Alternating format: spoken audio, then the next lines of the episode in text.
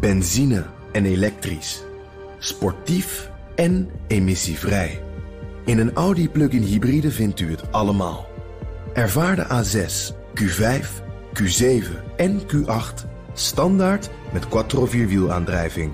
Wat u ook zoekt, u vindt het in een Audi. Audi. Voorsprong door techniek.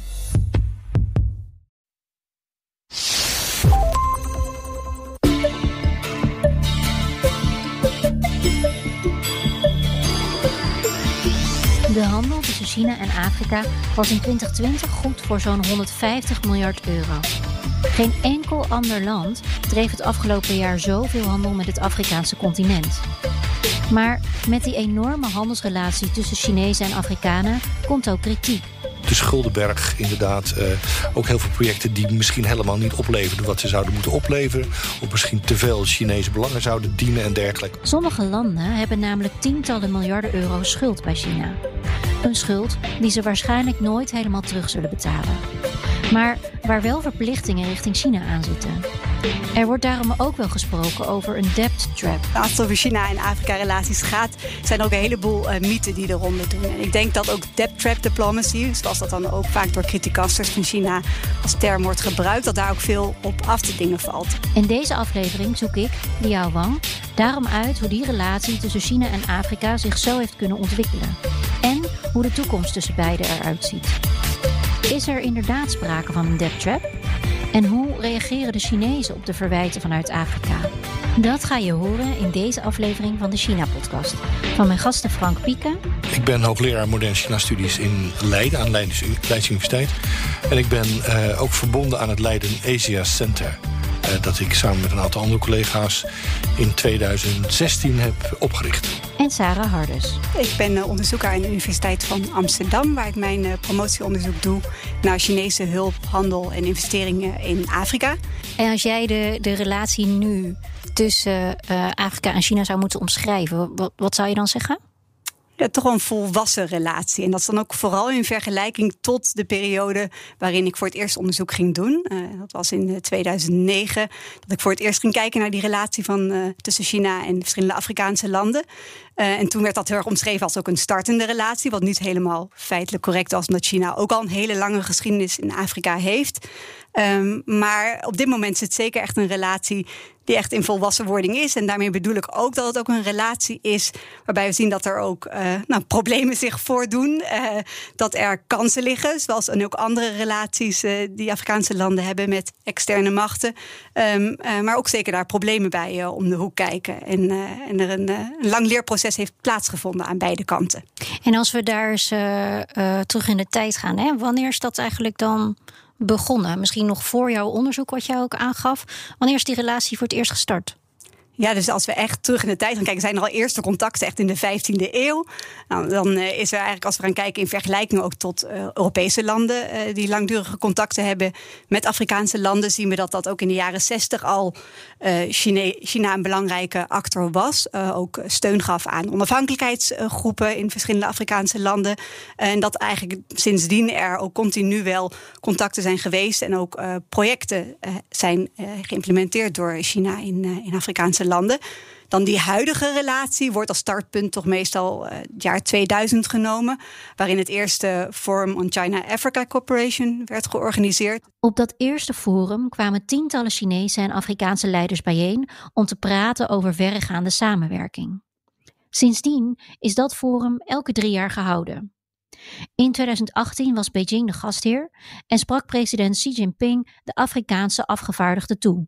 围绕中非携手并进、合作共赢、共同发展这一主题，对中非关系发展和各领域务实合作进行了全面规划。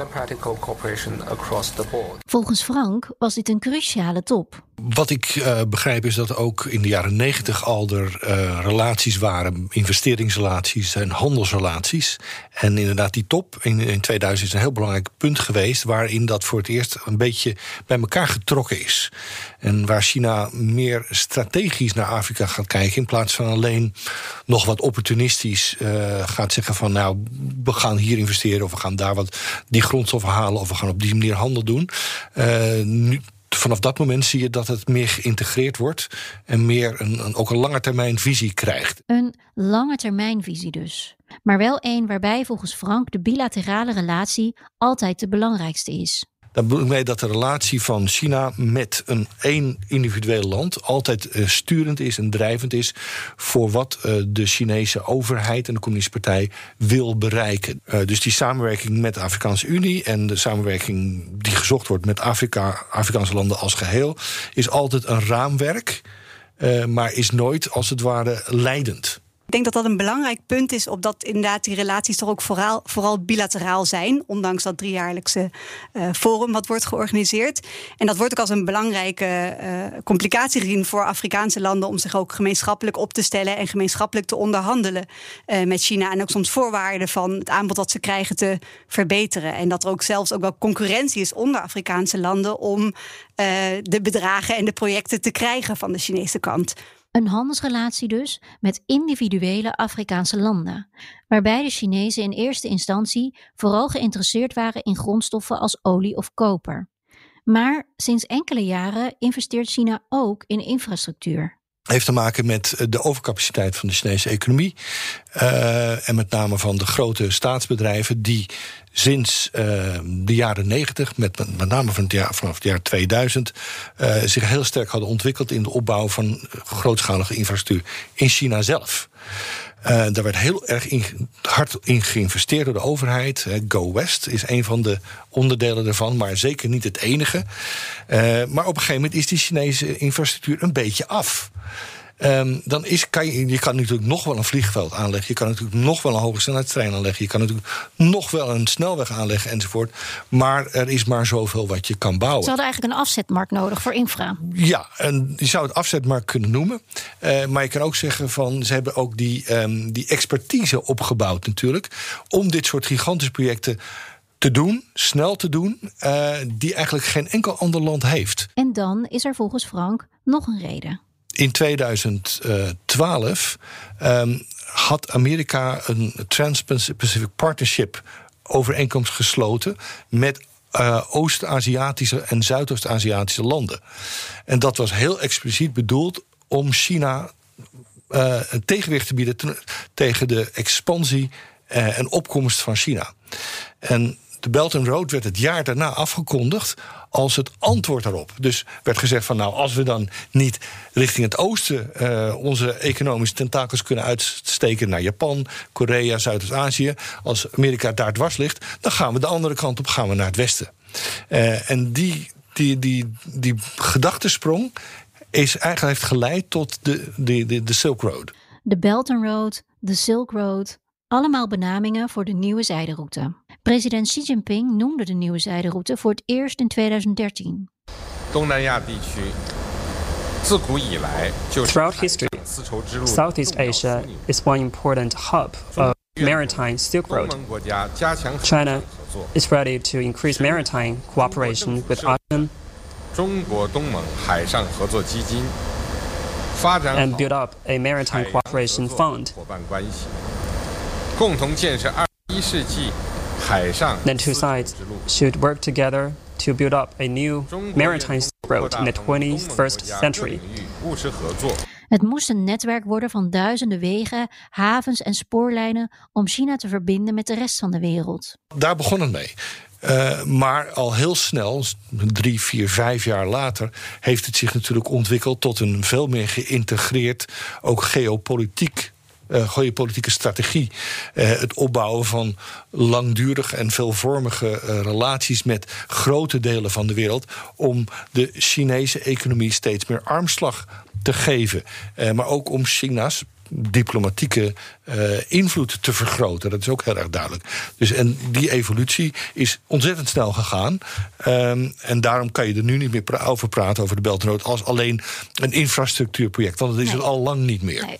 En uh, hoe werd daar in Afrika op gereageerd? Wat mijn ervaring is in, uit de interviews die ik heb gedaan, dus met uh, nou, zijn echt honderden interviews geweest met Afrikaanse beleidsmakers, is een groot enthousiasme. En dat is vooral uh, omdat er een alternatieve bron van financiering kwam uh, voor productieve sectoren en voor infrastructuurprojecten.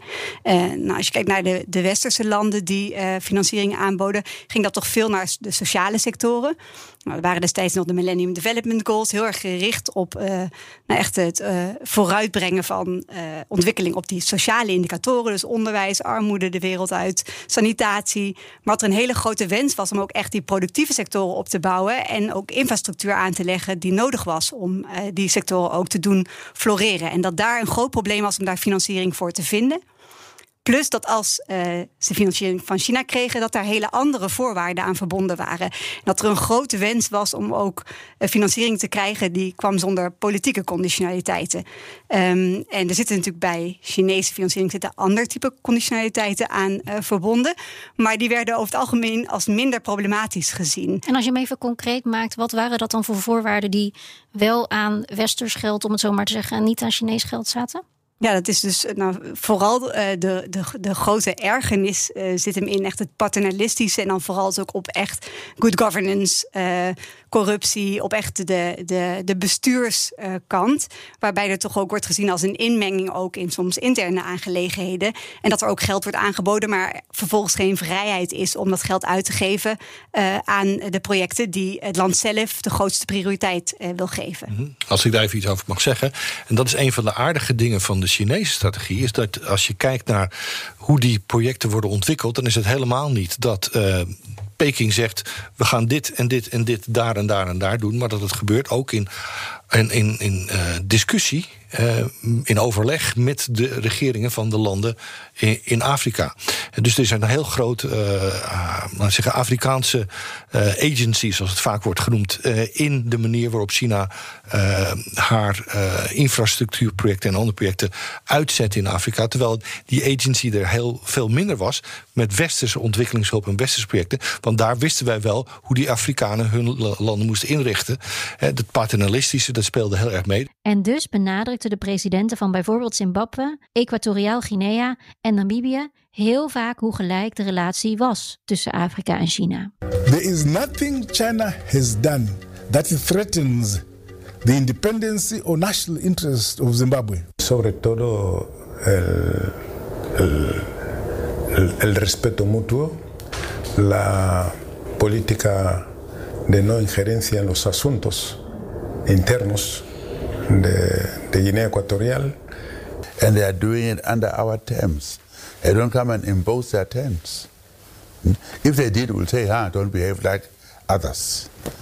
So we don't do that. Toch ontstonden er ook problemen tussen China en de Afrikaanse landen. En dan met name financiële problemen. Die agency komt ook met een verantwoordelijkheid om heel goed zelf na te denken over het type projecten uh, wat wordt aangegaan. Uh, de voorwaarden waaronder Chinese leningen worden afgesloten. Uh, en ook dat op een lange termijn te doen. en dat we daarbij ook wel zien dat niet alle landen ver genoeg vooruit hebben gekeken. Of dat er soms ook onverwachte ontwikkelingen zijn, zoals een daling in olieprijzen. Die maken dat landen echt in de problemen komen bij het terugbetalen van uh, Chinese leningen. De Schuldenberg, inderdaad. Uh, ook heel veel projecten die misschien helemaal niet opleverden wat ze zouden moeten opleveren. Of misschien te veel Chinese belangen zouden dienen en dergelijke. Ook uh, klimaat- en, en, en, en milieuoverwegingen die onderbelicht waren in veel projecten. dus er waren heel veel problemen. Maar je ziet wel dat de Chinese regering daarvan lering probeert te trekken. Dankzij ook de kritiek die ze ook vanuit het Westen hierover krijgen. Dus wat dat betreft is de kritiek die ze krijgen, is ook goed geweest Want dat hadden ze ook wel nodig. Um, maar ze willen er wel van leren om te proberen dit, uh, dit, hun, hun model van samenwerking met Afrika en andere delen van de wereld te verbeteren uh, als het over China en Afrika-relaties gaat, zijn er ook een heleboel uh, mythen die er ronde doen. En ik denk dat ook debt trap diplomacy, zoals dat dan ook vaak door criticasters van China als term wordt gebruikt, dat daar ook veel op af te dingen valt. En dat is dus echt het idee dat er een vooropgezet plan zou zijn vanuit China, waarbij ze eigenlijk leningen bijna opdringen aan Afrikaanse landen voor projecten waarvan ze bij voorbaat al weten dat die eigenlijk niet uh, haalbaar zijn of economisch winstgevend gaan zijn. En dan in een contract iets zouden inbouwen waarbij zij dan rechten krijgen over bepaalde uh, bijvoorbeeld havenfaciliteiten. Een voorbeeld dat in deze discussie vaak in de media wordt aangehaald is Sri Lanka. Dat land wilde een tweede grote haven en China wilde dit wel financieren. Totdat Sri Lanka het havenproject niet meer kon betalen. Sri Lanka too is struggling to shake off Chinese influence, but it's only sinking deeper into Chinese debt. Colombo's foreign reserves are dwindling. Today, a Chinese delegation led by a top member of the Communist Party swooped in to help. Uiteindelijk namen de Chinezen het project over en zijn ze de komende 99 jaar de eigenaar van de haven. Uit verschillende onderzoeken zou echter blijken dat het geen vooropgezet plan was van China. Dus het was waarschijnlijk niet vooropgezet. Uh, maar het resultaat is wel dat China een haven, een Chinees bedrijf, een haven exporteert in Sri Lanka. Is dat uh, dan soort van toeval of puur economisch belang? Of zit daar toch een soort van. Ja, ik weet niet. Dat voelt misschien toch een beetje gek voor mij in ieder geval. Ja. ja, en daar gaat het natuurlijk heel erg om, om de agency. China zal dan zeggen: het is ook een keus van. Wij hebben dat niet opgedrongen. Het is een keus van, in dit geval, de Sri Lankese overheid om uh, dat te doen. Uh, en hiermee hebben ze ook ergere problemen in hun economie kunnen voorkomen. Tegelijkertijd is dat inderdaad wel de realiteit. En zat het natuurlijk ook wel in het contract dat dit een optie was. Dus in veel uh, Chinese contracten zie je dat er toch een bepaalde onderpand is. En dat kan zijn dat er bijvoorbeeld grondstoffen moeten worden verkocht om een lening terug te betalen als dat niet uh, in geldelijke wijze kan gebeuren. Het kan inderdaad ook zijn dat er dan de optie is inderdaad dat een Chinees bedrijf zo'n lease krijgt over een bepaalde faciliteit. Um, en daar kan je dus veel Afrikaanse beleidsmakers zeggen: dit geeft ons een kans om met zo'n onderpand toch financiering te krijgen en onze economie echt productiever te maken en uiteindelijk dus hopelijk ook uh, te groeien. Uh, inderdaad, de andere kant van het verhaal is uh, dat dat inderdaad ook het risico met zich meebrengt dat een groot deel van de grondstoffen direct naar China gaat, landen daar weinig van profiteren, of inderdaad dat Chinese bedrijven faciliteiten in handen krijgen um, die ook idealiter in handen zouden zijn van het land zelf. Ondanks dit vooruitzicht zijn de Afrikanen nog steeds blij met het Chinese geld. Het is wel interessant. Hè? Je hebt de Afrobarometer, dat is eigenlijk een grote opiniepol die wordt gedaan onder Afrikaanse burgers. Uh, en daarbij zie je dat er eigenlijk niet grote verschuivingen zijn. Als er, nou, er was een survey in 2014-15 en nu weer een survey 2019-20.